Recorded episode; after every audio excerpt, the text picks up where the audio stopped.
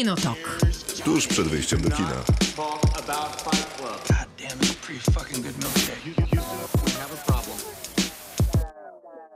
Krzysztof Majewski Miłosława Bożak. i Maciej nie ma mikrofonu, no ale to nic nie szkodzi, zaraz mu załatwię jakiś. Ale nazywa się Maciej Stasierski. Będziemy rozmawiać o rzeczach bardzo interesujących. Pierwszy z nich to drugi polski serial Netflixa. O, już jestem. Dzień dobry jeszcze raz. W głębi lasu. Ym, serial na podstawie prozy Harlana Cobena, stworzony przez dwójkę bardzo utalentowanych, myślę, twórców, Leszka Dawida i Bartka e, Konopkę. Bartka Konopkę, z solidną, bardzo polską obsadą. Taki thriller o kryminał. Będziemy mówić, 14 książek do adaptacji wykupił Netflix y, od Harlana Cobena, więc jest co adaptować. Jedna Więc on już jest na pewno bardzo bogaty. On Jakby- chyba już był. jakby wcześniej wcześniej, nie był. wcześniej był, a teraz, no teraz ma, że tutaj zacytuję Katarzynę figurę Skillera na waciki.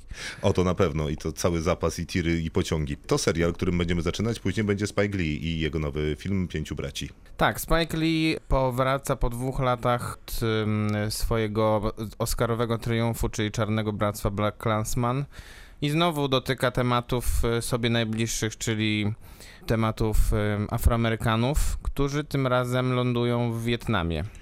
Jakby dwukrotnie niemalże. Właściwie wracają tam Tak. po długiej przerwie po to, żeby hmm, zobaczyć, przynajmniej zdaje się, że żeby zobaczyć jak zmienił się Wietnam przez te lata, od kiedy byli tam ostatnio, czyli w czasie wojny.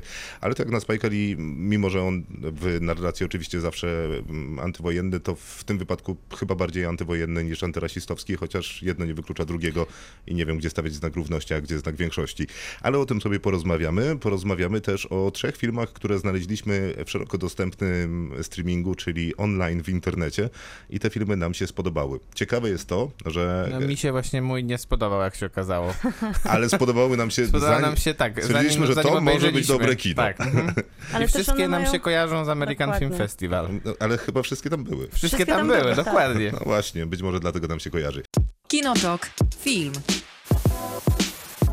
To będzie film, a tak naprawdę to będą same seriale. Cykl nazywa się W robocie i poprosiliśmy Miłkę, która jest zjadaczem seriali, największym z nas bez dwóch zdań bez wątpienia. Szybko wyjaśnię kontekst. Maciek nie ogląda seriali, chyba że musi na potrzeby No, tego programu. Czasem, a czasem musi oglądam czasem. jak trzeba. A Miłka ogląda- Dzisiaj ostatnio obejrzałem. Znowu. Brawo. No już skończyłem, przepraszam, już, już nie przerwam. Ja nawet A zdarzyło się ogląda tak, więcej. że ja obejrzałam w tym tygodniu już trzy seriale, czyli jeden, który przygotowaliśmy na dziś, czyli W głębi lasu, a dwa, które już są od początku Dwa, czerwca. których jeszcze nie ma. I jeden, z, bo to będzie taki rozkład jazdy trochę na czerwiec. A poczekaj, bo ja nie skończyłem wstępu A, zupełnie. dobrze, proszę bardzo. Ponieważ jesteśmy na Spotify'u jako podcast i, i tam wypadałoby i należało kliknąć y, subskrybuj, czyli śledź, czyli y, wspieraj nas w ten sposób. Sprawia nam to dużą radość, wielką przyjemność i olbrzymią satysfakcję, ponieważ to jest w tych czasach podcastów jedyny fizyczny i namacalny znak, że ktoś jest z nami, a wszystkim, którzy z nami są, serdecznie dziękujemy. Jest wspaniale. Miłka, co z tym serialowym rozkładem jazdy na czerwiec? Rick and Morty już możemy oglądać, a to nawet nie takie już, bo aż pół roku czekaliśmy, bo taki pomysł jest na Ricka i Mortiego, żeby dzielić sezon na segmenty, takie dwa. Czyli mamy segment A i B i teraz możemy już oglądać kolejne pięć odcinków, które zamykają czwartą serię, a to długo było. Dużo czasu było tak naprawdę między tym jednym sezonem, ale świetnie go twórcy wykorzystali, bo nawet skorzystali, to może niekoniecznie dobre słowo, ale skomentowali koronawirusa, co otwiera pewny dodatek w pierwszym odcinku połowy czwartego sezonu, a to serial, który no, zrzesze fanów, zrzeszy fanów słynie, rozkochał sobie widownię, ale też krytyków i to nawet pokazuje ta nasza często tu wspominana topka Netflixa. Przebił na początku jak zostać gangsterem, ale teraz jest na trzecim miejscu, głęboko w lesie jest na pierwszym miejscu najchętniej oglądanych produkcji Netflixowych, które są teraz w bibliotece, więc możemy oglądać już Ricka i Mortiego i naprawdę polecam ten końcówka czwartego sezonu jest fantastyczna.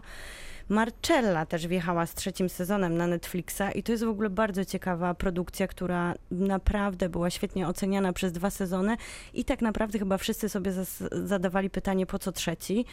Anna Friel tutaj w roli głównej, tytułowej Marcelli, a tak naprawdę za scenariusz odpowiada sam powieściopisarz, który napisał Most nad Sundem, czyli też taki świetny kryminał. I tutaj Marcella zaskakuje w trzecim sezonie, bo tak scenariusz jest napisany, że chociaż wcześniej mieliśmy panią detektyw, która walczyła z problemami psychicznymi, to teraz mamy nową bohaterkę i to jest Kiera. Grana przez tą samą aktorkę i opowiadająca dalej kontynuację historii Marcelli, więc to jest sezon, to jest sezon, który ja już zobaczyłam i jest fantastyczny. 5 czerwca, mm, czyli już, mamy na Apple'u nową propozycję. To rzadko się Czyli pojawia u nas w jedno- telewizji. Czy jest, mają tam czwarty serial? I jest to list do mojego idola.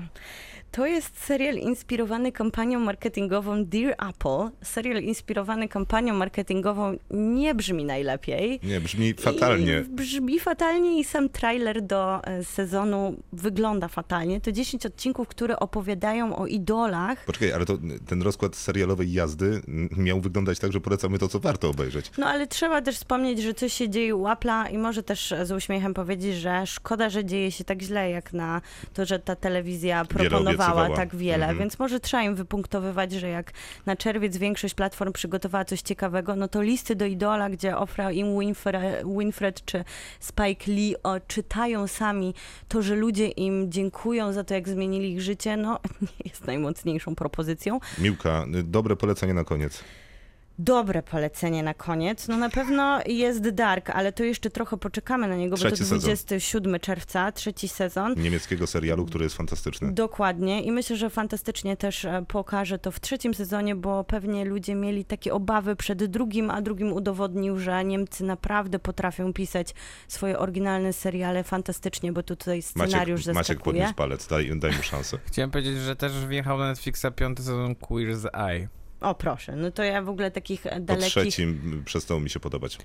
Mi również, ale to wciąż jest e, taka ciekawa chyba odpowiedź na Amerykę Donalda Trumpa.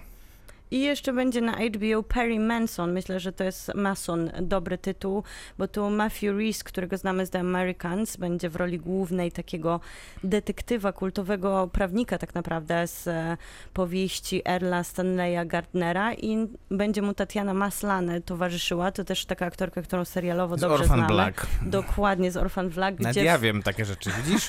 Czyli nie do końca jest tak, że ja nic nie wiem o serialach. gdzie Jest, jest. Kinotok. Film. No to czas y, na obiecanego Spike'a Lee i jego pięciu braci, ale zaczniemy od Michała, który na Facebooku pisał Jestem w szoku pominięcia, to jeszcze a propos listy wstydu, które zaczęliśmy tydzień temu i będziemy kontynuować też za tydzień i w kolejnych tygodniach. Lista wstydu polega na tym, że wybieramy filmy, których nie obejrzeliśmy, a nie wypada ich nie obejrzeć są to jakieś duże klasyki albo kultowe filmy i nadrabiamy je, albo nadrabiają je z nami ludzie z branży, czyli znani, lubiani i kompetentni. A Michał pisze, tak, jestem w szoku pominięcia na listach wstydu Miłki i Maćka tytułu Jesteście gotowi? Władca Paryża. Michał to zastanawia jest się, czy nasz wierny słuchacz, pozdrawiamy go. jest w istocie i to jest y, mądry człowiek, który zdecydował się nadrobić Władcę Paryża. Co prawda pamiętam, że nie był No, zadowolony, nie. Mm. ale to inna sprawa. A czy wy nadrobiliście Władcę Paryża? Nie, żebyś mógł Nie. nam zawsze polecać ten tytuł. Żebyś tak, i żebyś mógł nam polecać i ja go pewnie obejrzę do następnej listy wstydu. Ja będę wierna konwencji Szanuję Krzysz- to podejście. Krzysztof, żebyś mógł zawsze wspomnieć o tym filmie, więc będę się przed Ale nim bronić. nie ma żadnego problemu. Ja mam całe, wiesz, zeszyty filmów, których wy najpewniej nie szanujecie, a ja uwielbiam. O, od razu. Więc no. dalej będę edukował. A tymczasem Spike Lee, który też e, w jakiś sposób nas przez wszystkie lata swojej kariery z całą pewnością edukuje. Spike Lee, który zrobił film z Netflixem i chyba jest z tego bardzo zadowolony, ponieważ... Czemu kręcisz Nie, głową? no jest, jest, tak. A. Ja nie jestem tak bardzo. Ja też nie jestem tak bardzo. Ja chyba jestem w ogóle najmniej z was zadowolony z tego filmu, który nazywa się Pięciu Braci i opowiada o pięciu mm, żołnierzach Weteranach. czterech weteranach, ale pięciu żołnierzach, czterech weteranach, którzy wracają do Wietnamu, y, brali udział w wojnie wietnamskiej e, z Wietnamem, wracają po ciało swojego dowódcy, Norma, który był I po takim... złoto. I po złoto, który był takim e, duchowym e, przywódcą e, na równi z takim faktycznym, zmilitaryzowanym e, dowódcą, a wracają po złoto, bo ich ostatnią misją w Wietnamie było dostarczenie e, złota współpracującej ze Stanami Zjednoczonymi części Wietnamu, czy też wietnamskiego wojska. Co ciekawe, jest to w sumie przypisany scenariusz Tak o czterech weteranach, który reżyser przepisał wspólnie z Kevinem Wilmotem, z którym dzieli Oscara za swój wcześniejszy właśnie film, czyli Czarne Bractwo Black Klansman. I tutaj oni zmienili, jakby odwrócili perspektywę wyjściową, czyli właśnie kolor skóry głównych bohaterów. I dzięki temu to nadaje zupełnie inny kontekst i wojnie w Wietnamie, i ich byciu weteranami, i tym, co no tak naprawdę wiadomo, co chciał powiedzieć sam reżyser. To jest w ogóle ciekawy czas, bo biorąc pod uwagę sytuację w Stanach Zjednoczonych, wiele jakby historii jest, no oczywiście Spike nie, nie, nie przepisywał tego w kontekście śmierci y, Oczywiście. Oczywiście. George'a Floyda. Jakby interesujące jest to, jak przy okazji y, wydarzeń ze Stanów Zjednoczonych odkrywają się karty historii, jakby opowiadane raz jeszcze, z, wzbogacone o kontekst czarnoskórych. Podobnie z wojną w Wietnamie. W filmie pada taka informacja o tym, ilu żołnierzy spośród całej armii amerykańskiej była czarnoskóra, no i okazuje się, że jest to 30%, kiedy w Stanach Zjednoczonych czarnoskórzy to było... 11.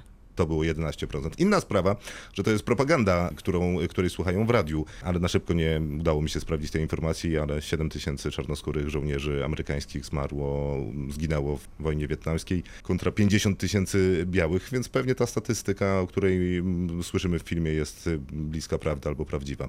A zaczynamy w zasadzie przygodę naszą w Tajlandii ze Spike'iem Lee, z, naszymi, z czwórką naszych y, bohaterów, którzy wracają właśnie oficjalnie szczątki swojego dowódcy, nieoficjalnie także po złoto. I wygląda to moim zdaniem jak wycieczka Adama Sandlera i Ala Pacino na wakacje. Naprawdę Dla jest jak- ten sam klimat, ten sam nastrój, może trochę Dla mnie jak hangover dla, Tak jest, jak dla seniorów Dokładnie. po prostu. Jak Las Vegas dla seniorów w takiej konwencji zmi- zmiękczonej, więc będą lekkie drinki z palemką, będzie trochę no to starzy muzyk- ludzie są, no no właśnie, więc to, dlatego. I, starsi ludzie. I dlatego, że są to starzy ludzie i jest ich więcej niż jednak Adam Sandler i Al Pacino, to mi się skojarzyły z kolei te wszystkie filmy, których było ostatnio tak dużo. Tacy aktorzy jak Robert De Niro, nie wiem, Alan Arkin, Michael Caine, Morgan Freeman chyba w trzech takich filmach grał w ostatnim okresie. Zbierali się, bo nie wiem, bo brakowało im pieniędzy i stwierdzali, że muszą obrabować bank na przykład. no, Nie? w zeszłym roku był taki film. No, to, to co roku jest chyba taki film, mniej więcej. No i, i nie wiem, czy o to chodziło Spike'owi Lee. E, tak szczerze. Tak szczerze, to ja wydaje, też mam w tym problem, bo ja trochę. Nie, tak? No, to jest no bo- interesujące, bo... ja nie jestem przekonany, czy on naprawdę chciałby używać tej zabawowej amerykańskiej formy i być może chodzi tu o białą klasę średnią do opowiadania skomplikowanej i, i, pewnie szeroko nieznanej historii ym, czarnych w Stanach, to jest dla mnie niezłe pytanie. Mi się wydaje, że to jest to łączenie pewnych klisz filmowych, które on tutaj stosuje jako takie zapożyczenia, mrugnięcie okiem, filmowe odniesienia, które no widzimy w niektórych momentach już bardziej nie mogą być oczywiste. oczywiste. Jak puszcza, jak jest, jak jest Walkiria Wagnera, bardziej prostackiego nawiązania do czasu apokalipsy, to chyba nie można sobie No, wymyślić. jest prostsze, bo jest... e, po Zrzucanie pro- na palmu chwilę później. E, Tak, ale jest też czas na apo- apokalipsy napisane na e, A, no imprezie tak. za DJ-em, więc on już sugeruje, że nadejdą te fragmenty czasu apokalipsy wręcz tak łopatologicznie. No tak, ale tylko- ja przyjmuję tą konwencję, że on to robi świadomie i wrzuca to po prostu tak wręcz... e, Poczekaj, no, poczekaj, poczekaj. Bo w Ale zeszłym myślę, tygodniu przy, wtedy- i, i, i, jak zostałem gangsterem, nie mogłeś przyjąć, y, nie wiem, dżemu, a, y, a tutaj przyjmujesz tak, to podo- zwykle podobny poziom łopatologii. filmami, że niektóre Powiem- zabiegi działają, inne po prostu Tylko, że są właśnie, niewymierzone. tylko, że właśnie Rozumiem, to jest problem, rozumiem. To ja że uważam, tutaj, że ten nie działa. że tutaj chyba to jednak nie działa. W sensie, nawet jeżeli to jest obrana konwencja, jak dla mnie mniej jest tutaj takich, em, takiej dobrej zabawy, która mogłaby być, a więcej jakiegoś takiego filmowego cringe'u, e, którego w Musisz tym filmie... wytłumaczyć, co to jest cringe, Cringe'u, no takich, takich, takich momentów, w których aż no, zaczynasz, zaczynasz zgrzytać zębami, bo, bo czujesz fałsz na ekranie. I ja mam wrażenie, że Spike Lee tutaj niestety fałszuje mocno. Ma co prawda do pomocy trochę ludzi, którzy, którzy sprowadzają ten film na ziemię, ale są w tym filmie takie momenty, które teoretycznie powinny być e, jakieś emocjonujące, czy nawet chwilami bardzo mocno przeszywające, Mhm. e, ale no to wszystko się trochę rozmywa w tej jego narracji, która jest taka strasznie chaotyczna i taka bardzo niestabilna. Też, bo ja myślę, że on bardzo Mhm. ryzykownie wybrał taki element łączenia wszystkich możliwych tematów razem, czyli mamy komedię, mamy film kumpelski, mamy film przygodowy, mamy też właśnie rozliczanie się z traumą po wojnie w Wietnamie, czy rozliczanie się relacji ojciec-syn, które się dzieje w O, tym tak. samym czasie. O, ja. I jeszcze m, m, dawne i aktualne romanse do Tak, tego dołóżmy. dokładnie, czyli też i poznawanie jakichś części swojej rodziny nieznanych, no jakby wszystko jest w tej, umieszczone w filmie, który jeszcze przy okazji jest statementem politycznym i walczy o prawa Afroamerykanów. No, ale to jakby nic nowego To- u tak, Spike'a Lee, oczywiście, czego się na, to- należało spodziewać, ale też prawda, że nie jest to jakby najlepsza część tego filmu, a można by się akurat po tym reżyserze tego spodziewać. Spike A mówił, że... trzeba Ja wiem, Net- w sensie powiedzieć, że- akurat, Spike akurat w tej, w tej mówił, kwestii... że- No dobrze, Ale proszę bardzo. Znaczy w tej kwestii akurat bym się nie zgodził, że to nie jest najlepsza część, bo y, No nie wiem, konkurencja jest niewielka, więc też się nie będę upierał. jeżeli, jeżeli ten film o czymś opowiada, to on jest taką, to on jest taką personifikacją tego Black Lives Matter, które teraz rządzi Stanami Zjednoczonymi. A dlaczego? Dlatego, że, dlatego, że Spike Lee powierza jakby prowadzenie narracji postaci tego, tego takiego najbardziej radykalnego z weteranów, czyli Pola, którego gra Delroy Lindo wspaniale i to jest chyba najlepszy element tego filmu, ta jego, ta jego bombastyczna, naprawdę momentami niesamowicie przerysowana, ale z drugiej strony tak bardzo emocjonalnie prawdziwa kreacja. To, co powiedziałeś, jest niezłymi słowami bombastyczna i przerysowana, tylko to jest trochę tak, jakbym go wsadził naprawdę obok Bradley'a Coopera w drodze na kolejnego drinka i mimo, że to jest dobra rola, to jest osadzona w jakimś y, świecie, w którym taka postać w zasadzie nie istnieje. No, a nie Więc jakby cała reszta tego- filmu z nim nie klei mi się w ogóle. I tak jest w zasadzie z wieloma elementami tego filmu, że one nie kleją mi się z, z resztą rzeczywistości, że ten świat No tak. przedstawiony A, no tak. jakby nie jest koherentny, że ci bohaterowie są od niego odklejeni tak samo mocno, jak odklejeni są od tego świata, w którym jesteśmy w tym momencie. Ja to- To, co mnie, to jest os- ostatnie długie zdanie, to, co mnie bardzo dziwiło, to to, że Spike Lee mówił, że bardzo się cieszył ze współpracy z Netflixem, ponieważ wystarczyło mu pieniędzy na dobrą ścieżkę dźwiękową, na użycie piosenek, których chciał użyć, na pojechanie do Tajlandii po to, żeby móc tam kręcić. No to ja w tej Tajlandii i Wietnamie widzę niewiele tego, po co tam pojechał faktycznie Tak. kręcić, bo równie dobrze pewnie mógł to zrobić, nie wiem, w Luizjanie, na jakiś Gdzie jest bag- dużo na. No, No, jakieś mhm. bagna, e, czy jakieś tam rzeki. I z drugiej strony nie rozumiem takich jakichś technicznych rozwiązań, tam niektóre przejścia, no pewnie celowe, nawiązujące do jakichś lat 90. albo jeszcze starszych, jakieś przebitki na taką ziarnistą kamerę, która ma e, pewnie No to jest to kolejne Sy- nawiązanie do czasu apokalipsy, No właśnie, które też ale- jest takie... Właśnie i, i, i jakieś takie przejścia, nie wiem, kręcącym się kadrem z jednego czasu w drugi, no jest dla mnie dużą zagadką. Ja to traktowałam jako taką komiksową konwencję i wydaje mi się, że To takie jeszcze jeden opowiadanie... gatunek. A, no to świetnie. ta- takie opowiadanie trochę taką formułą komiksu, która jest przerysowana, jest taka slapstickowa, chociaż to zupełnie wydawałoby się nie pasowałoby do tego poważnego tematu, o którym tak naprawdę opowiada ten film. Ale to, jest takim elementem jakby rozumiem to podejście, ale chyba zgodzisz się z tym, że y, to jest trochę taka konwencja, w którą można wrzucić wszystko, co jest nieporadne.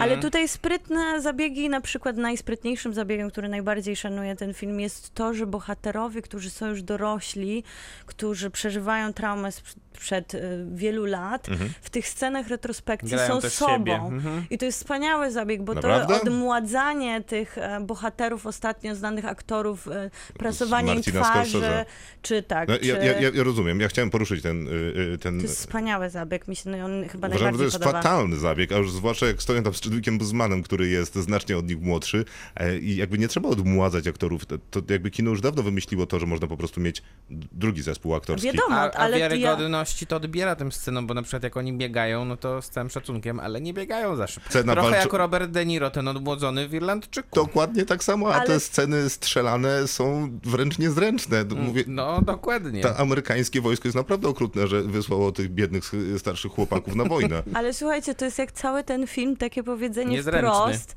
i dosyć, e, no już naprawdę nie, nie starający się na jakieś poetyckie zamaskowanie, że ci mężczyźni dalej są w tym lesie i dalej przeżywają te same historie. No, kto I jest w tym lesie, to jest. Wie, Tak, wi- tylko wiadomo, że to jest może i y, prosty zabieg i taki Paulo Coelho filmowy, ale na jakimś poziomie to jest konsekwentne w tym filmie i ja się zgadzam z tym Czy przyjmowaniem konsekwentnie takich... są ci sami aktorzy? Nie, konsekwentne takie mówienie wprost o wszystkim, tak żeby się na pewno nie pogubić. Spike Lee Ale jest to znany poczekaj, z tego, że to- mówi zawsze wprost i zawsze stawia kropkę nad i i jeszcze, jeszcze kropkę na końcu zdania albo przy wykrzyknik. No to to jest film złożony z alfabetu Morsa. Tylko, tak, tylko że, tylko że szkoda, że no robi to, robił to wiele razy lepiej niż w tym filmie, a ten film z jakiegoś powodu jest teraz niesamowicie hołbiony w Stanach Zjednoczonych. A wiecie, że to nie jest pierwsza współpraca Spike'a Lee z Netflixem? Nie, on robi, przy którymś serialu y, pracował, który On to zrobił był? serial na podstawie swojego filmu She- She's Gonna Have It, czyli ona się doigra i tak naprawdę przepisał swój film na łamy serialu, bo to aż dwa sezony, 19 odcinków i tam widać, że Spike Lee w tej produkcji, no to jest taki początek właśnie takiej slapstickowości, y, którą gdzieś jakoś tak zgrabnie łączy Netflix i Spike Lee z niej czerpie, czyli takiej troszkę Ale czekaj, a tu jednak... będziemy stawiać teraz taką tezę, że Spike Lee jak przyszedł do Netflixa, to Netflix powiedział tak, Spike, uwielbiamy cię, twoje filmy są znakomite, ale nie dla naszej publiczności. No musisz zrobić jednak tego trochę bardziej slapstickową Ja komedię. myślę, że to jednak Netflix przyszedł, e, w sensie Netflix to by, troszkę jak ze Space Force. Że wystarczył tylko pomysł, że Spike Lee mówi, a mam tu swój film, w sumie bym go jakoś może przepisał, zrobilibyśmy z tego coś więcej, opowiedzielibyśmy jeszcze raz tą samą historię, a Netflix daje zielone światło i pieniądze. Tak, to brzmi do, jak... Tak mogło być. Tak mogło być. Więc e, tutaj jest jakaś taka, taka konekcja pomiędzy tym filmem, a tym, co już w serialu zaproponował, który no moim zdaniem nie był szczególnie udany, A ale pie- mhm. film całkiem nieźle sobie radzi, ale wy będziecie teraz mówić o tym, że Amerykanie, to ty chyba Maciek zacząłeś mówić o tym, że Amerykanie chwalą, a ty nie chwalisz. Tak, bo amerykańska krytyka się rozpływa nad tym filmem. E, szczególnie w kontekście chyba tego, że e, jest to też film, którym, o którym już teraz się mówi jako o mocnym kandydacie do Oscara. Mm, Co wydaje mi się jest z dużym nadużyciem, bo mm, e, to, o czym już chyba mówiliśmy e, wcześniej, czyli mm, poprzedni film Spike'a Lee sprzed dwóch lat, to był ten jego pierwszy i jak dotąd jedyny Oscarowy triumf. Czarne Bractwo Black Czarne Klansman. Bractwo Black Klansman. No i ten film nie ma startu do tego, do tamtego. W sensie... No jeżeli sprowadzimy tę rozmowę do tego, który z tych filmów jest bardziej oscarowym filmem Tak. pod względem takiej jakości produkcji filmowej, filmowej po tak, prostu. po prostu. no to bezdyskusyjnie Black Klansman jest znacznie lepszym filmem, dwie klasy lepszym filmem, Mm. jest lepiej napisany, jest inteligentny, Jest na pewno spójniejszy. No, zdecydowanie. Bo to jest dosyć ważne i odczuwalne w tych dwóch i pół, bo to prawie dwie i pół godziny. Ponad 2,5 godziny, Dokładnie. spokojnie 40 minut y, tej produkcji można by było Do wycięcia. Tak, wyciąć. tutaj- W Black Klansman pewnie było z 10 minut do wycięcia, ale tutaj... Końcówka prawd- prawdopodobnie cała. E, Spike Lee postanowił wygłosić swój manifest polityczny. Natomiast no tutaj wygłasza ten manifest, albo wykrzykuje trochę ten manifest taki antywojenny, ale też, ale też polityczny.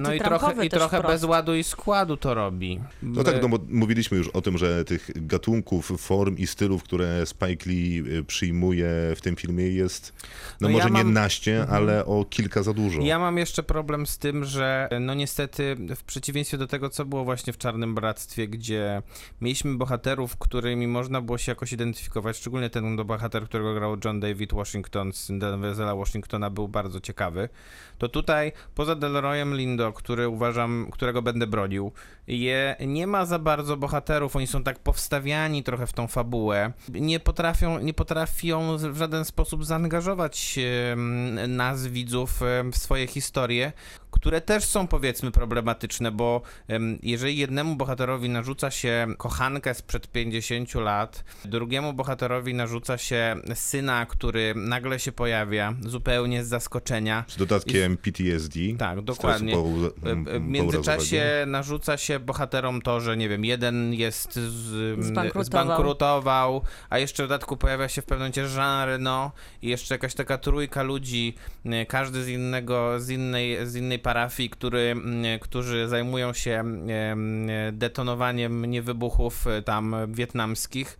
no, jest tutaj taka mieszanka, że y, ten chaos jest aż zbyt wielki. Aż trudno się w tym ogarnąć wszystkim. Zdecydowanie widać, że Spike'owi Lee zabrakło kontroli nad tym chaosem. Zdecydowanie. Być może te wątki byłyby do połączenia, ale być może właśnie na takiej platformie jak Netflix lepiej by się to odnalazło w formie nawet krótkiego sześcioodcinkowego tak, nawet serialu. dokładnie trzy, tak. trzy, trzy odcinki. Mhm, gdzie byłaby takiej przestrzeń formule po na poszczególnych godzinie. bohaterów. Dokładnie, gdzie moglibyśmy poznać lepiej bohaterów, dodalibyśmy temu sensu, a ta zabawa konwencją myślę, że w takiej No formule ostatnio mieliśmy takie seriale, które by się opowiadały o kolejnych bohaterach Tak. w kolejnych odcinkach. Mm, Bardzo Tutaj dużo też tak takich można jest. by było zrobić, prawda? Bo mamy tych czterech bohaterów. Można byłoby jeszcze dorobić jakąś historię Nawet temu tego bohaterowi, e, którego tak. gra Chadwick Boseman. Czyli Bo o nim nie wiemy nic. No, no wiemy o nim dużo Znaczy poza tym, że jest poza tym, że jest rzeczywiście duchowym przywódcą Tak. tej grupy. i nośnikiem historii Tak. Tak. Afroamerykanów. Co jest kolejnym elementem, że ten film poza tym, że jest takim taką mieszanką wszystkich gatunków, jest też lekcją historii, taką Ale- to, no, ale- to na tym to zgrzytałem zębami najbardziej. Więc to też nie można o tym zapomnieć. On No, się zaczyna od tak, dokumentalnych Mhm. fragmentów, później też To Mohamed jakby- Ali, który Tak. nigdy nie y, ruszył Tak. na wojnę w Wietnamie. Ten, ten przewijający dostał się w całej historii Martin Luther King Tak. Jr., który jest dla nich wszystkich Ale też e, Malcolm wielkim X, bo symbolem. przecież o Tak. normie właśnie mówią, że był Tak, naszym był Marcinem takim i był naszym. Malcolmem. Y, No to jest wszystko problematyczne w tym przesyceniu, nasyceniu Tak, i w tak. różnych intencjach i chyba Spike Lee nie wiedział, w którym kierunku chce pójść. Albo Chociaż ten scenariusz wydaje się dosyć... wszystko za jednym razem. Tak, i co jest pewnie największym problemem. Mm. Chociaż te pomysły scenariuszowe są super ciekawe.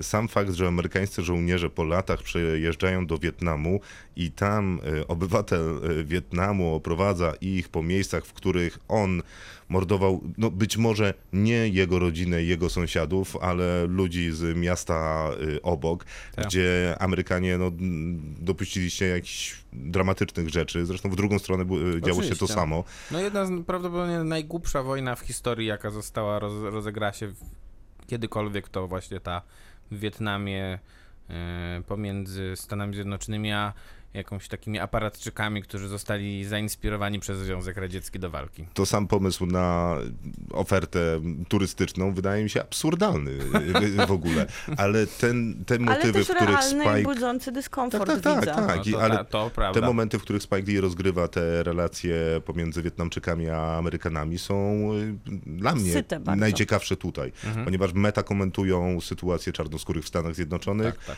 e, ale także Wietnamczyków po tym, jak Amerykanie wreszcie zdecydowali się, że jednak wyjeżdżają. No te momenty meta powinny, powinno być ich więcej, tak jak je nazwałeś, a tutaj wszystko jest wyłożone kawę na ławę, a wręcz y, w większości przypadków nie, nie, nie tyle No, ale- kawę na ławę, to dostajemy łopatą w głowę, y, bo tak, tak mocno punktuje te swoje tezy Spike Lee. Ale nie myślicie, że to jest zabieg świadomy Spike'a Lee Ale z to- perspektywy ale tego, to- to nie ma że znaczenia. Ja, że Myślimy, że tak. że, ja, że ja myślę, że on jednak wykorzystał to, że gdyby opowiadał poważniej na tematy, może poważniej, e, bardziej mm, rozbudowanie, może troszkę mniej łopatologicznie, nie każdego widza by przekonał, zwłaszcza na platformie, jaką jest Netflix, No ale więc kogo- ale kogo tym proponuje przekonuje tym tutaj? Tylko ale mnie te teraz... rozbijanie tego komedią i takimi dodawanie takich elementów, które właśnie znajdujemy, w, łączymy się Dobrze, i w Miłka, serialach, ja i w rozumiem o co ci chodzi. Odpowiadam ci. Roz... Tak, być może to był dobry pomysł, I żeby myślę, użyć komedii. Tylko, że- do rozbicia tylko, że trudnej realizacyjnie historii, nie ale realizacyjnie, no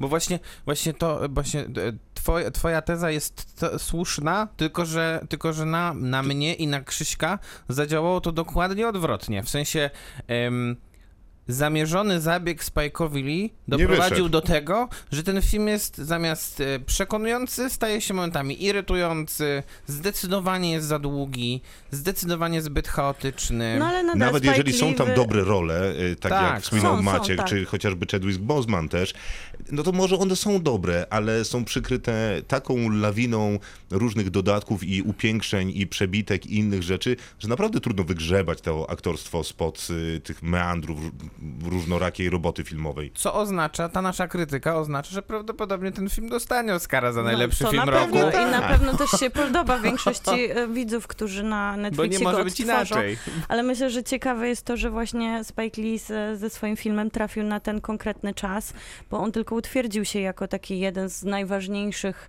reżyserów działających w ramach bronienia. I bardzo dobrze. Afroma- no bardzo dobrze, że ten film się pojawia w tym czasie właśnie i może właśnie dobrze, że to, co krytykujecie, czyli ten przesyt trochę tych, e, tych łączenia tych form, e, działa tutaj trochę na obronę jego, bo jak on by był taki bardzo, bardzo poważny w sytuacji, która się teraz dzieje w Stanach Zjednoczonych, to byłby jeszcze takim dodatkowym zapalnikiem No nie, ale no nie i... wybronisz Przecież- tego, bo... prze- Przecież e, dyskutowaliśmy ten argument przed Nie, nie wybronisz tego, bo jak zestawisz łopatologiczną narrację Spike'a Lee, nie wiem, z e, poten- na przykład wrażliwością Barego Jenkinsa, to nigdy nie wybiorę Spike'a Lee. Ale to nie o to chodzi, co my wybierzemy, bo mi ten film nawet się tak bardzo No to nie, podobał. no a to jeżeli Jak chcesz myślę, innego nośnika ważnych duża- tematów, to weź Jordana Pila. O, na przykład. No tak, ale teraz Jordan, Jordan Peele Też tak się lek- składa, że jeszcze nie fo- wydał żadnego filmu w tym właśnie momencie, w którym dzieją się te rzeczy w Stanach. To bardziej mi chodzi o to, że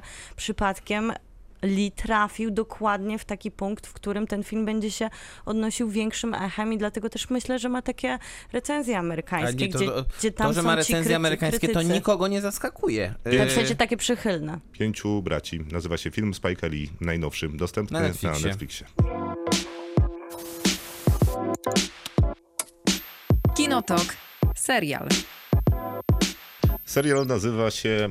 No i właśnie, to jest problem, bo nazywa się W głębi lasu, a tyle tych lasów już było w tytułach filmowych, Zwłaszcza na Netflixie. to, że I to w się... ostatnich tygodniach. W lesie dziś nie zaśnie nikt. Dokładnie. Cabin in the Woods, y, czyli Daleko w lesie się nazywał ten film wtedy? Nie, Cabin in the Woods Ale w się ogóle nazywało...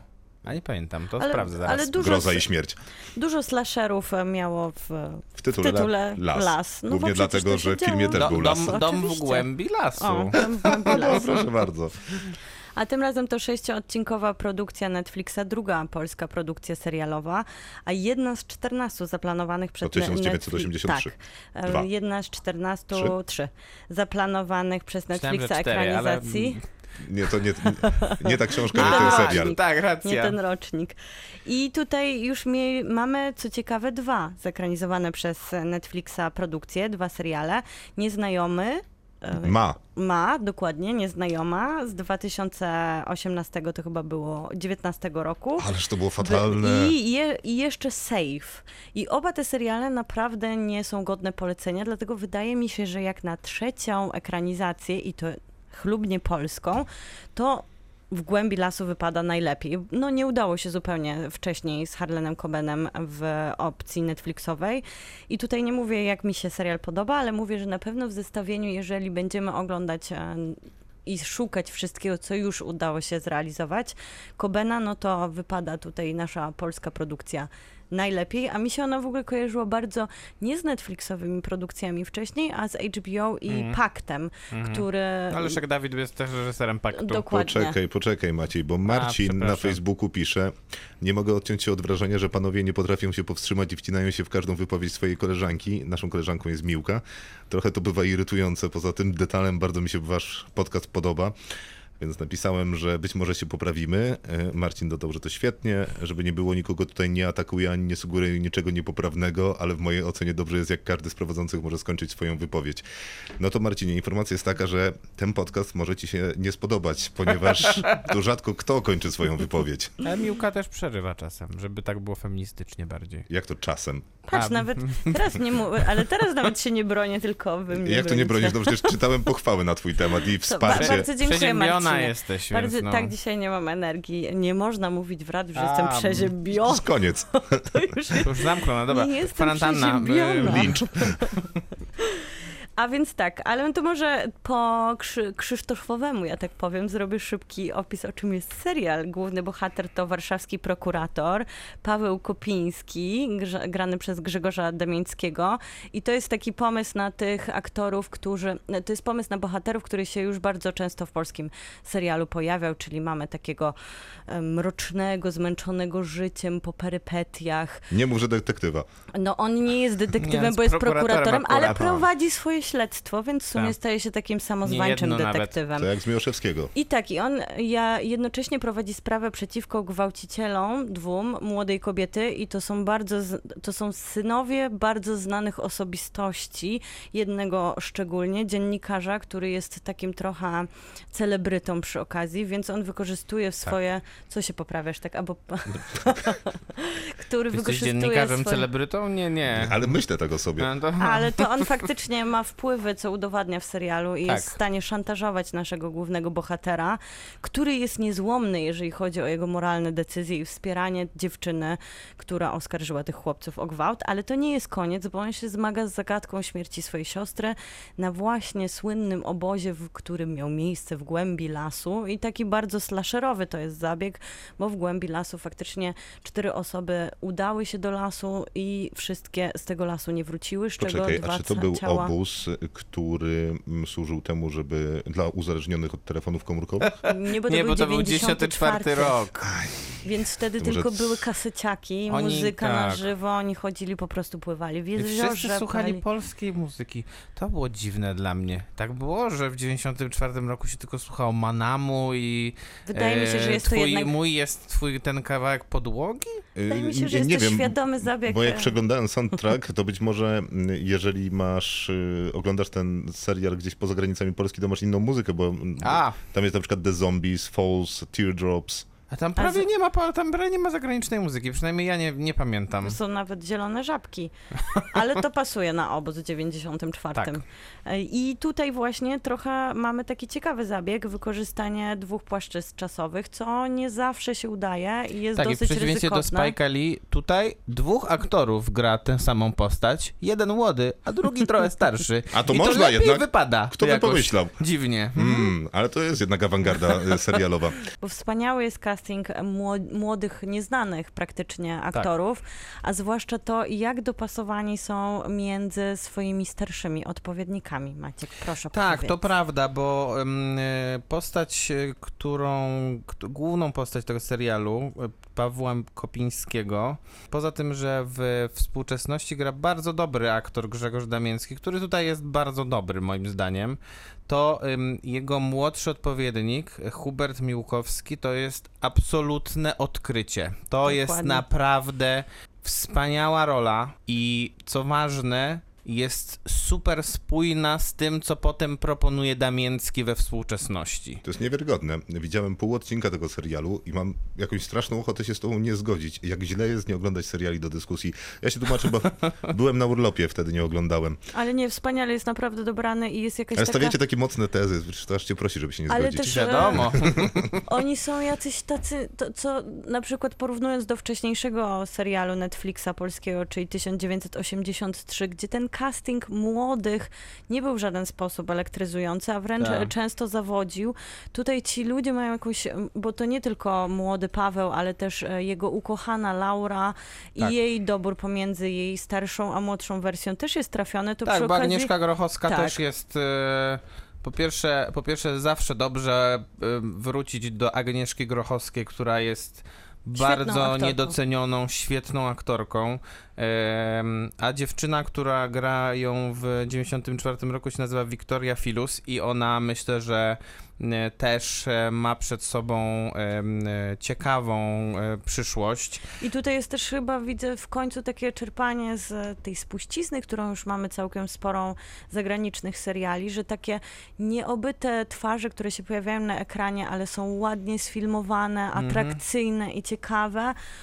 Ale są to, też charakterystyczne, tak, zadziorne dokładnie. i... mają w sobie ten pazur młodości i tego tak naprawdę tych lat 90., które no tutaj oni się ujawniają w tych latach Tak. 90., to działa, to to jest to, co przykuwa widza do ekranu, coś nowego, przeplatane właśnie już takimi znanymi nazwiskami, które mamy w które tutaj też się Tak. sprawdzają zresztą, bo, bo poza tym Damięckim i tą Agnieszką Rochowską przez ten ekran przewijają się też i Arek Jakubik, i Jacek Koman, i e, Ewa Skibińska, Adam Ferency. Adam Ferency w 94 roku. Jacek Koman to jest dopiero niedoceniony aktor. O, to I też, prawda. s- Wspaniale wypada w Tak, i serialu tutaj, w swojej em, roli. Wokół postaci Jacka Komana zresztą jest jeden z e, ciekawszych, takich bardziej bolesnych, myślę, wątków. Mm, bo Jacek Koman gra dyrektora. e, No, rozumiem, zrozumiałem. Jacek Koman. No, No tak. E, który, który zostaje de facto pociągnięty do największej odpowiedzialności za to, co się wydarzyło na tym obozie. Ale jest w tym serialu jakieś takie dobre thrillerowe napięcie, emocja i masz ochotę zgadywać, kto zrobił y, coś złego? Powiem tak, e, mi się podobały pierwsze trzy odcinki bardzo, drugie, następne trzy trochę mniej. E, powiem Czyli, dlaczego. poczekaj, czyli pod, podobał ci się Leszek Dawid, nie podobał ci się Tak, Bartek Konopka? dokładnie. I, i, i trochę, trochę mi się wydaje, że tak to wygląda też z filmami tych reżyserów i z serialami, które oni robili. Nie wiem, jakoś odpowiada mi w sposób na- narracji Leszka Dawida, który jest taki, mm, jest taki bardzo, powiedziałbym, chirurgiczny, y, bo on, ym, bo on bardzo solidnie i bez jakichś wielkich fajerwerków narracyjnych buduje napięcie. Potrafi to robić w dosyć prosty sposób, ale tutaj to się sprawdza. Więc te pierwsze trzy odcinki były dla mnie ciekawe. Trzeci, czwarty i piąty trochę się ciągnęły. E, Ale z drugiej strony finał też tego serialu był, był, wydaje mi się, fabularnie satysfakcjonujący, więc to naprawdę nie jest zła produkcja. Ona jest świetnie zrealizowana, to się to naprawdę prawda. bardzo dobrze ogląda. To pasuje do Bartosza Konopki. Tak, Przypominam Krew Boga. tak, dokładnie. I tutaj mamy też świetne zdjęcia Pawła Flisa. Wspaniale i ta... zrealizowany film. E, Maciek się, Fatalny film. Maciek się dziwi. Fatalny film, ale realizacyjnie Tak. wyborny. Dobrze. I te, Racja. ta nostalgia za latami 90., która się tu pojawia, które się ostatnio wszędzie pojawia, mi się Mm, wydawało, tak. że już to mnie naprawdę zaboli, ale No. oglądanie tego z perspektywy polskiej jednak trochę broni to, że jednak, no dalej ja mam problem z tym, że to jest wykorzystywane teraz wszędzie i cały czas, i cały czas mamy retro i Ale jak sentymenty. myślisz o tym, że to ma iść za granicę, Ale ten tak, polski myślę, że to jest splin. ciekawe Tak. pokazanie tego, ale też bardzo mi się podoba, że przepisane jest to tak sprawnie z prozy jednak amerykańskiej na język Tak, polski. e- To jest bardzo celnie wplecione w, nasze,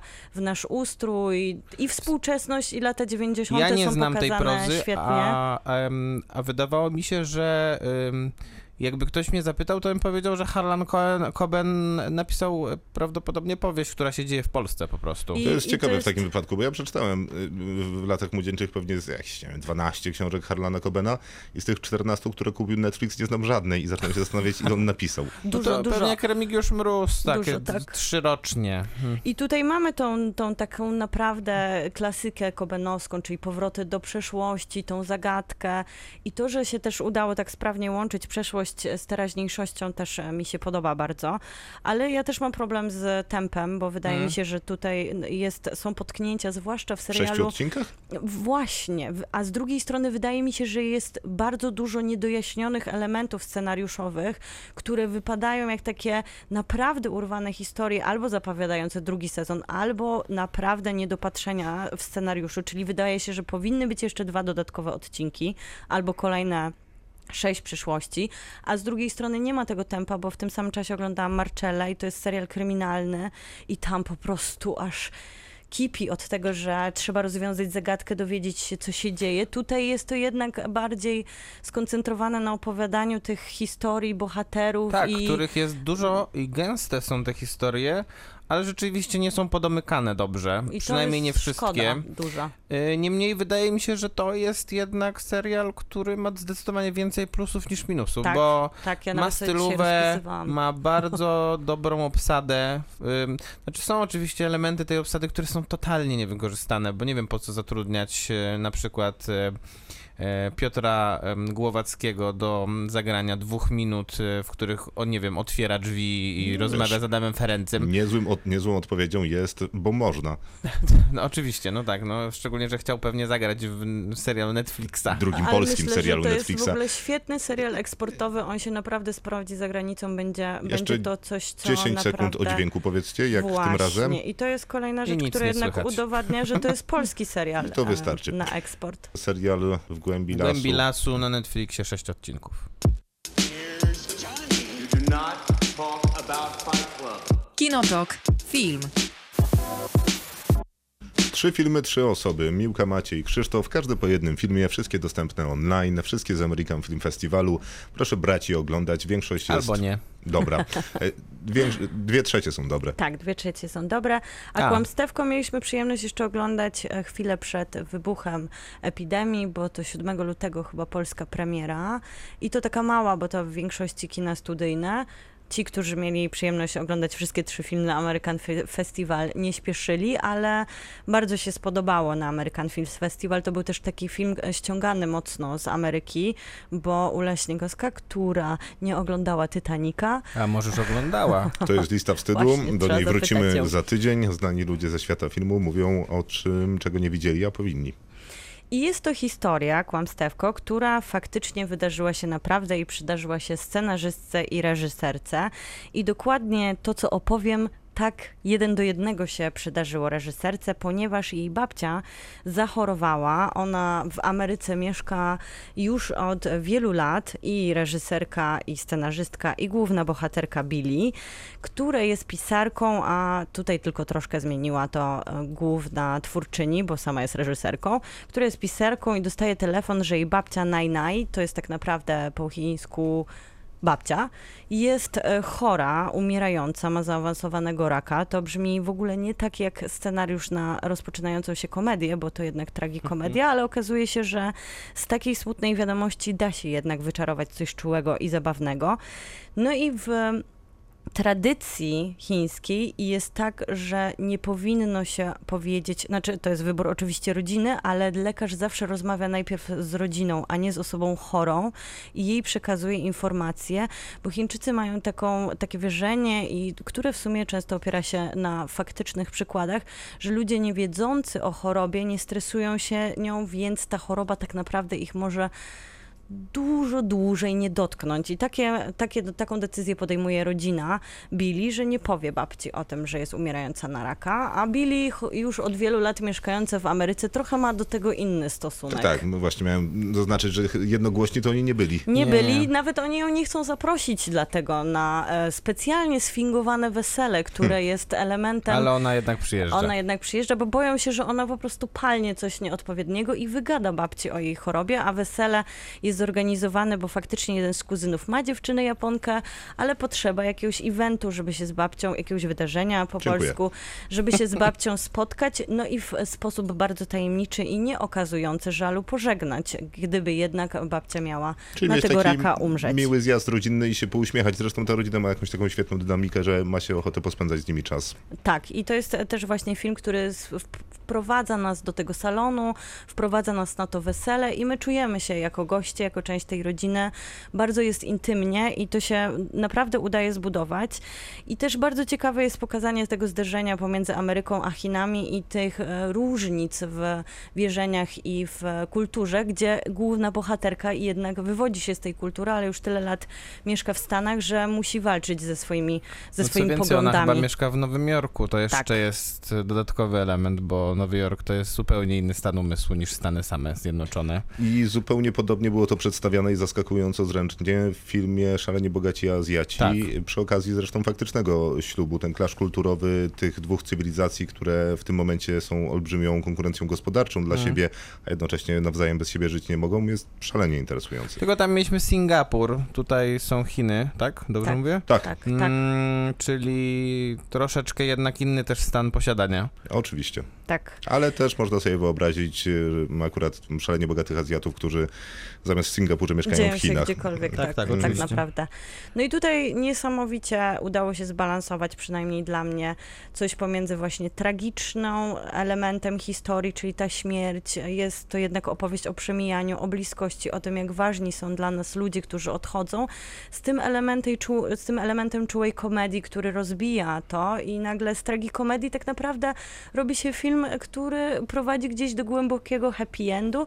Tak naprawdę ta historia w rzeczywistości głównej scenarzyst, głównej twórczyni, reżyserki i scenarzystki e, skończyła się tak, że faktycznie ona kręciła ten film w Chinach i przychodziła tam jej babcia i cała ekipa Tak. e, wiedziała o tym, że babcia jest chora, ale babcia do w trakcie kręcenia filmu nie wiedziała, czym jest ten film, nie wiedziała, że jest chora. Dowiedziała się o tym faktycznie po tym, jak przeczytała jej recenzję jedna z koleżanek. Dopiero wtedy tak naprawdę dowiedziała się o chorobie, o projekcie swojej wnuczki, ale to już było 6 lat po zdag- zdiagnozowaniu tego, tego To jest zresztą pokazane w napisach raka. fi- Dokładnie. końcowych filmu. Więc e, tutaj mamy ten happy end też rzeczywistości. Jest to, myślę, że przez to, że pisana życiem historia, dlatego jest też e, taka wzruszająca, szczera i, i widać to, że to oko reżyserki i jej pomysł opowiada faktycznie o jej relacjach z babcią. Tutaj w ogóle też e, elementami takimi dodatnimi z tej rzeczywistości jest to, że niektórzy bohaterowie to jest faktycznie rodzina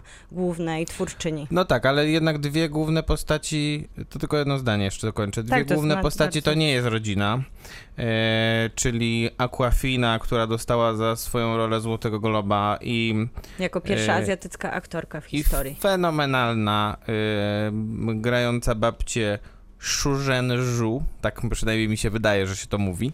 No, E, Wierzę ci. e, która e, powinna była być nominowana za swoją rolę do Oscara i będę to podkreślał wielokrotnie, bo e, to była naprawdę wspaniała rola i spokojnie można byłoby wywalić z, tego, z, tej, z tej kategorii najlepsze aktorki drugoplanowej takie postaci jak Kathy Bates na przykład. Gdzie ogląda się ten film? E, A kłamstewko się. O, dobre Ogląda na pytanie. Chili Cinema. Na Chili Cinema. Zapraszamy, polecamy. Za moment Nie, propozycja... na VOD.pl i Player.pl również, bo to była i właśnie sobie przypomniała, no. premiera. Bo ja w kinie widziałam, przepraszam, premiera zeszłego tygodnia. Late Night za moment to polecenie ode mnie.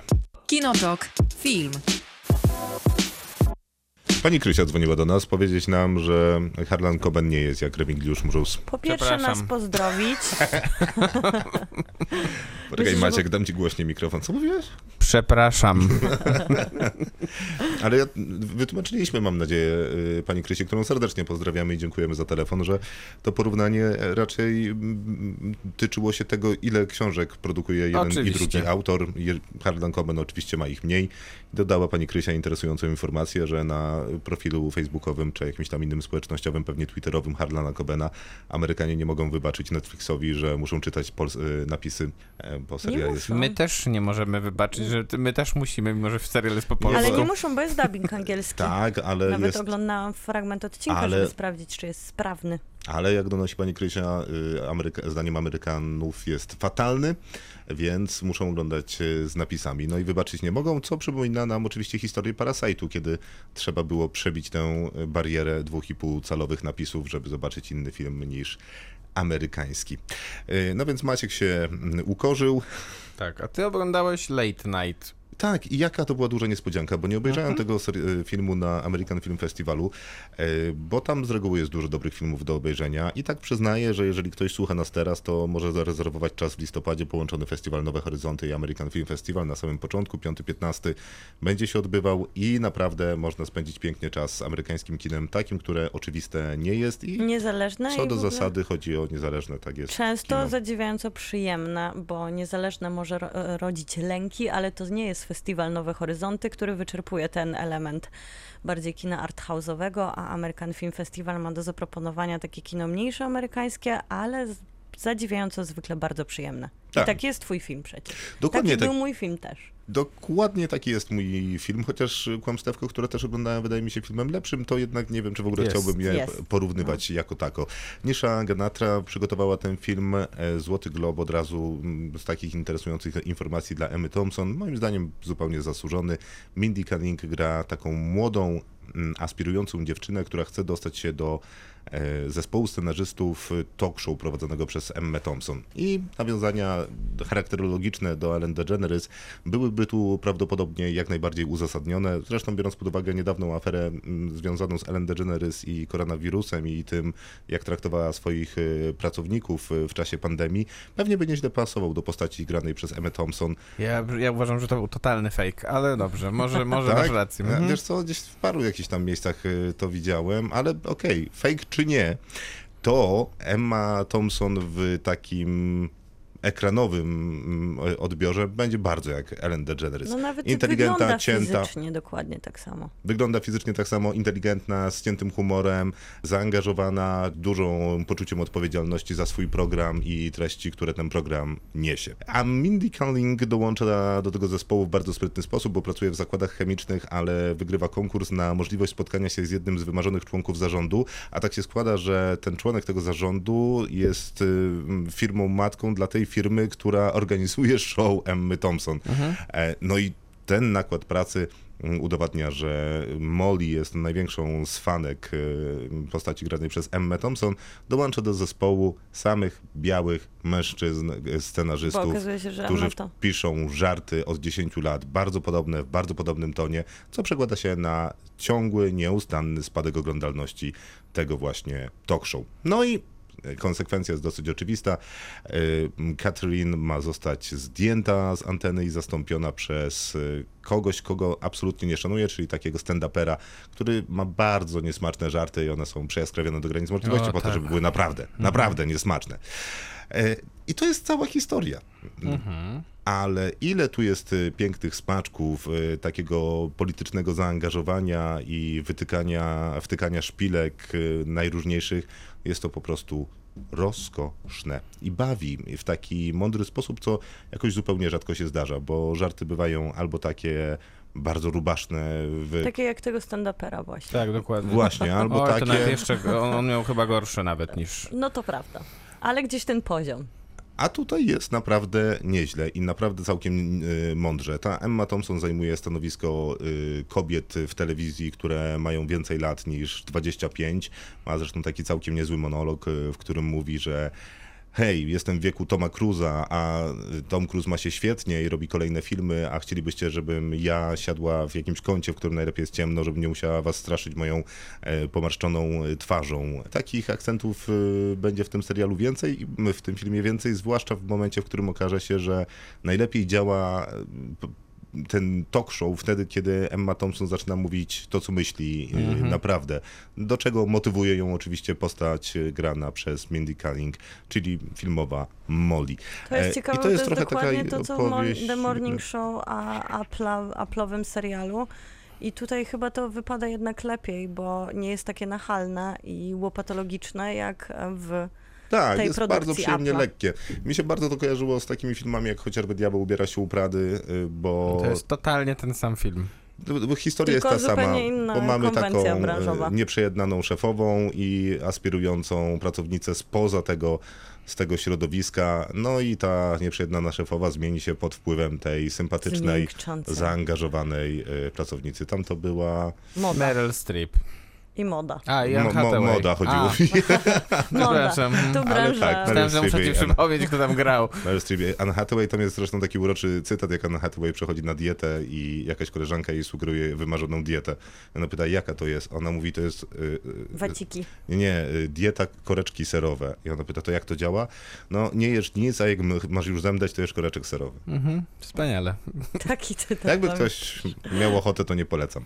No największe to jest, największa zaleta tego filmu to Emma Thompson. Ona potrafi sprzedać każdy żart. Tak. y, y, A, Nawet te żarty, które sprzedaje jako nieudane. Tak, dokładnie, a poza tym jest, y, no jest wyśmienitą aktorką ze wszechmiar komediową, dramatyczną.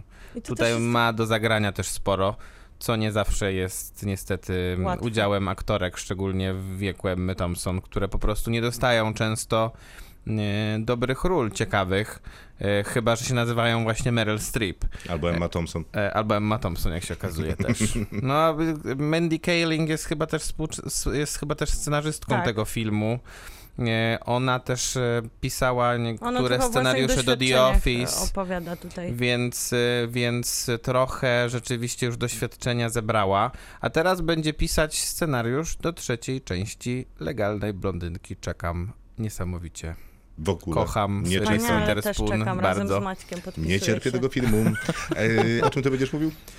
Będę mówił o filmie e, z Kristen Stewart o Jane Seberg. Kinotok. Film. Zasadzie moglibyśmy skończyć ten program wcześniej, bo Maciek teraz będzie mówił niedobre rzeczy o niedobrym filmie. Będę, no niestety. No ja obejrzałem jeszcze trochę filmów w międzyczasie, więc jak chcesz, to mogę opowiedzieć. A co fajnego oglądałeś? Searching obejrzałem fajny, też na American Film Festivalu był, więc pasuje. Nie, Searching był na Nowych Horyzontach akurat. Naprawdę? Mhm. Niemożliwe. Tak. Nie na straży Urszuli Śniegowskiej. No właśnie też się zdziwiłem, ale pamiętam, że jak z Searchingu wychodziłem, to było z 30 stopni w cieniu, więc to nie mógł być American Film Festival. O nie, ale to może być American Film Festival w 2020 roku. Tak, to prawda. Ym, A Searching błyskawicznie powiem w takim wypadku, że to jest film o tyle ciekawy, Co za spryciarz że dzieje się w całości na ekranie komputera. tak, i to, to też nie oglądałeś tego? Nie. A, to super jest film. Bardzo dobry. To bardzo. ten będziesz polecał? Nie, będę polecał. Maciek, będę, no ma, masz jeszcze szansę. Będę, rozmaw- będę mówił jednak o Seaberg, filmie, którego nie udało mi się obejrzeć na American Film Festival, bo jakoś się nie składało. A może Filmie- wiedziałeś, że ma złe recenzje? No, Podświadomie go Generalnie unikałeś. miał już wtedy złe recenzje, bo, bo był po premierze w, na festiwalu w Wenecji. Tylko, że no z drugiej strony sama wiesz, że y, warto zawsze czekać na filmy z Kristen Stewart. prawda. Ten film miał y, dodatkowy potencjał, bo Kristen Stewart grała ikonę kina. Jean Seberg to jest pani, która zagrała co prawda jedną rolę taką, ale dzięki temu stała się ikoną kina, bo zagrała w debiucie Jean-Luc Godarda do utraty tchu. Od tego czasu, no myślę, że przeszła po prostu jakby nie sama ona, ale jakby wizerunek y, ekranowy przeszedł do historii. No a tutaj e, ten film e, niestety opowiada historię, która. Ten film nie, do, nie opowiada jej biografii. To jest trochę takie podejście, jak było w Judy e, z René Zellweger, czyli opowiada taki mały wycinek historii i tutaj się skupia na jej zaangażowaniu politycznym po stronie Czarnych Panter, tak? Czyli grupy takich, takich, można powiedzieć, bojowników czy terrorystów, którzy, którzy walczyli o równouprawnienie Afroamerykanów w Stanach Zjednoczonych na przełomie lat 60. i 70. I tutaj też mamy dużo o Martinie Lutherze Kingu, o Malcolmie X, tylko że mamy też em, okropnie generyczną taką nie wiadomo za bardzo jaką opowieść, bo to ani thriller, ani biografia, ani coś, co by w jakiś sposób głębszy dotknęło tej fascynującej postaci, bo Dobra, kobieta... faktycznie. Dobrze ci idzie nie, nie zainteresowanie mnie tym filmem, ale w takim wypadku może jest jakiś fragment opowieści w tym filmie Mhm. o niej jako aktorce wielkiej, ale trochę nieodnaleźionej po tej roli większej niż ona, która zjadła ją na samym początku kariery? Strasznie trudne pytanie zadać. Nie, nie, nie, nie, nie zakontowałem początku, ale powiem tak. Nie obejrzałbym tego filmu pewnie nigdy, gdyby, gdyby Jean Seberg nie zagrała Kristen Stewart i w, myślę, że ona y, tego filmu stara się bronić. Jej rola jest znakomita, tylko że problem jest taki, że z ostatnimi filmami Kristen Stewart tak trochę jest, że ona potrafi naprawdę wyciągnąć z, z wielu swoich filmów naprawdę świetne, ciekawe role, które po raz kolejny dowodzą, że zarówno ona, jak i Robert Pattinson są, to, są aktorami, którzy już dawno zapomnieli o zmierzchu. I na pewno nieprzypadkowymi jednego filmu, jednego tytułu. Dokładnie. Natomiast no, te filmy potem nie dochodzą jakby, nie przystają do tego i do tych ich talentów. No tak jest w przypadku tego filmu, tak jest w przypadku Personal Shopper Olivera Asayasa. To mo- możemy o tym kiedyś podyskutować. Nie, nie, nie, nie, o tym nie będziemy dyskutować Robert Pattinson nigdy. na pewno Mm. ma lepsze wybory ostatnio. Tak, Robert Pattinson ma lepsze wybory y, castingowe. Generalnie wszyscy czekamy na Teneta. Y, Jeszcze zaznaczmy, że Maciej, kiedy y, ostatnio. szukał filmu tropem Kristen Stewart, to zastanawiał się jeszcze nad aniołkami Charlie'ego. które na pewno nadrobię pewnie w, ciągu, w trybie pilnym, żeby, żeby przypomnieć sobie, że można mieć jeszcze jakiś fan skina, bo e, no Seaberg mi tego fanu niestety nie dostarczyła. E, Mimo, że tak jak mówię, no e, historia jest stru- su- bardzo niewykorzystana, bo potencjał jest ogromny. Kobieta była niesamowita, miała, em, była jedną z najbardziej takich em, angażujących się politycznie e, i wykorzystujących w dobry sposób swoją pozycję gwiazd y, kina tamtego okresu. E, Przez to, a przez to i przez to podlegała e, przez e, kilka lat inwigilacji ze strony FBI, e, które zresztą przyznało się potem, że inwigilowało Jean Seberg. I prawdopodobnie miało wpływ, to, to, inwi- ta inwigilacja miała wpływ na to, że poroniła a potem popełniła samobójstwo w wieku 40 lat. Hmm. Więc e, historia jest niezwykle ciekawa i bardzo taka mm, e, smutna w wydźwięku. Ale film A, nie. a film jest strasznie słaby po prostu. Seaberg, gdzie mogę tego uniknąć? Seaberg możesz uniknąć na Chili. I chyba jeszcze gdzieś, ale na pewno na Chili. Kinotok. Film. I to wszystko w dzisiejszym Kinotoku. Dziękuję serdecznie. Miłosława Bożek. Maciej Stasierski. Krzysztof Majewski. Maciej jest bardzo zadowolony, Tu ponieważ... emocje. Jestem zadowolony, bo w przyszłym tygodniu będziemy rozmawiać o najlepszym filmie roku, czyli Ukrytym życiu Terensa Malika. Tak, tak, ale ustalmy fakty. Terence Malik nie Zrobił zrobił dobrego filmu życia. przez ostatnich ładnych parę lat. No Jednym z dokładnie przykładów od tego e, jest 1998 roku, kiedy zrobił cienką czerwoną linię. dokładnie od tego roku. Dokładnie. I ja jestem przekonany, że to się nie zmieniło jego ostatnim filmem. Nie widziałem tego filmu, ale uważam, że jest fatalny. To, em, no nie wiem jak cię przekonać. Ja jest to wspaniały film. Maciej, on jest Ja fatalny. jego Za tydzień ci to udowodnię. No, I no, wszystkim zainteresowanym myślę, zresztą będzie, też. Myślę, że będzie to ciekawa dyskusja. Rzecz polega na tym, że nikt nie jest A zainteresowany. widziałeś Maciek song, song to Song? Tak, i to był fatalny film. Właśnie, bo tak się zastanawiałam, jaką masz opinię. Więc Koro. tak, y, to jest to, o czym będziemy rozmawiać. Obejrzymy też zdrajcę Marco Bellocchio. A czy byłeś y, jakby w pełni sił umysłowych i fizycznych, kiedy oglądałeś ten ostatni film Terensa Malika? Nie, ale to nie znaczy, że nie rozbudził mnie. A to jest duże osiągnięcie, uważam. Hmm. To tym większe jest osiągnięcie, więc nie podważysz generalnie mojej wysokiej oceny tego filmu. Po prostu nie, nie, nie, da nie, się, nie, nie będę da się tego zrobić. Więc Ukryte Życie, Zdrajca i serial z Markiem Ruffalo, to wiem na pewno, który jest dostępny na HBO. Ja też wiem na pewno, że Zdrajca to jest na pewno dobre kino. E, Tylko, Tego że... ja z kolei nie wiem, Tylko, ale Ja się się przekonam niedługo na... e, Dlaczego? No to chyba za tydzień damy Nie, poczekaj, bo... szansę. Nie, nie, nie, bo sekunda, bo to są dwie rzeczy. Czy to jest dobre kino, tak czy nie? To jest dobre kino. No, a że ma jakieś swoje wady i można go lubić bardziej lub mniej, to jest zupełnie inna Ale- sprawa. Ale kino jest znakomite. Ale my jeszcze nie wiemy, czy teraz Malik na przykład nie powrócił w Nie, nie, Terence takim... Malik jest fatalnym z kolei kinem. Przy czym Zdrajcę widziałem, No właśnie, a a Terensa nie, widziałeś. widziałem. I jestem Malika bardziej nie pewny swojej więc- opinii na temat Terensa Malika niż na temat Zdrajcy. Mimo, że To go będzie- widziałeś. To będzie Tak. No No ciekawa... bardzo dobra postawa, taka otwarty To umysł będzie- i w ogóle Dokładnie. Moje, myślę, że moje trzecie oko jest otwarte. Myślę, A Krzysztof, ten- możemy się umówić tak, że wytniesz te dźwięki na przyszły tydzień i będziesz je puszczał w trakcie recenzji? Ja nie będę mówił to samo. Tak na wszelki wypadek miałem przygotowany taki, taki ciekawy dźwięk Dobrze, mo- mogę Albo to będziesz zrobić. mówił to samo i puszczał siebie sprzed tygodnia i mówił oto ja, zgadzam się ze sobą. Okej. Tak? A, Dobrze, nie ma sprawy. zobaczysz, zobaczysz, że będziesz odszczykiwał. Lista wstydu też wraca za tydzień. Chciałbym powiedzieć, jeszcze nie wiem z kim, ale ktoś się zgodzi najwyżej na torturach y, przyznać się do tego, czego nie widział. E, I będzie serial Tak, To powiedziałem wiemy już. na pewno, to Mhm. wiem na pewno. z Markiem Rafalą. Tak, już e, dzisiaj właśnie podwójnej mamy za roli. sobą finał szóstego odcinka w podwójnej roli braci bliźniaków. Co on tam robi? Który brat z bliźniaków? Obaj. Obaj, no jeden się zajmuje drugim, bo jeden z nich jest cho- chory na schizofrenię, więc Mhm. e, tutaj mamy historię, która tak naprawdę jest opowieścią o tym, skąd ta choroba w rodzinie, jak e, trochę się w Stany rozliczają z ludźmi chorymi na choroby psychiczne. No nie jest to łatwy serial. To HBO nie jest... Go. Wspaniała obsada też Tak. widzę. HBO Go. Leo. Ja kończę ten program. A, HBO Go. Terence Malik, proszę Teraz nie oglądać, żal czasu. tygodniu. A VOD.pl Player to na pewno też to miejsce, w którym można będzie, można już zobaczyć Terensa Malika, jakby ktoś chciał się z nami zgadzać lub nie A zgadzać, wszyscy słuchając. chcą. Krzysztof Majewski. Miłosława Bożek. I Maciej Stasierski. Przypominamy, że mamy Spotify'a i brakuje nam tam followujących, czyli was. Do usłyszenia. Kinotok. Tuż przed wyjściem do kina.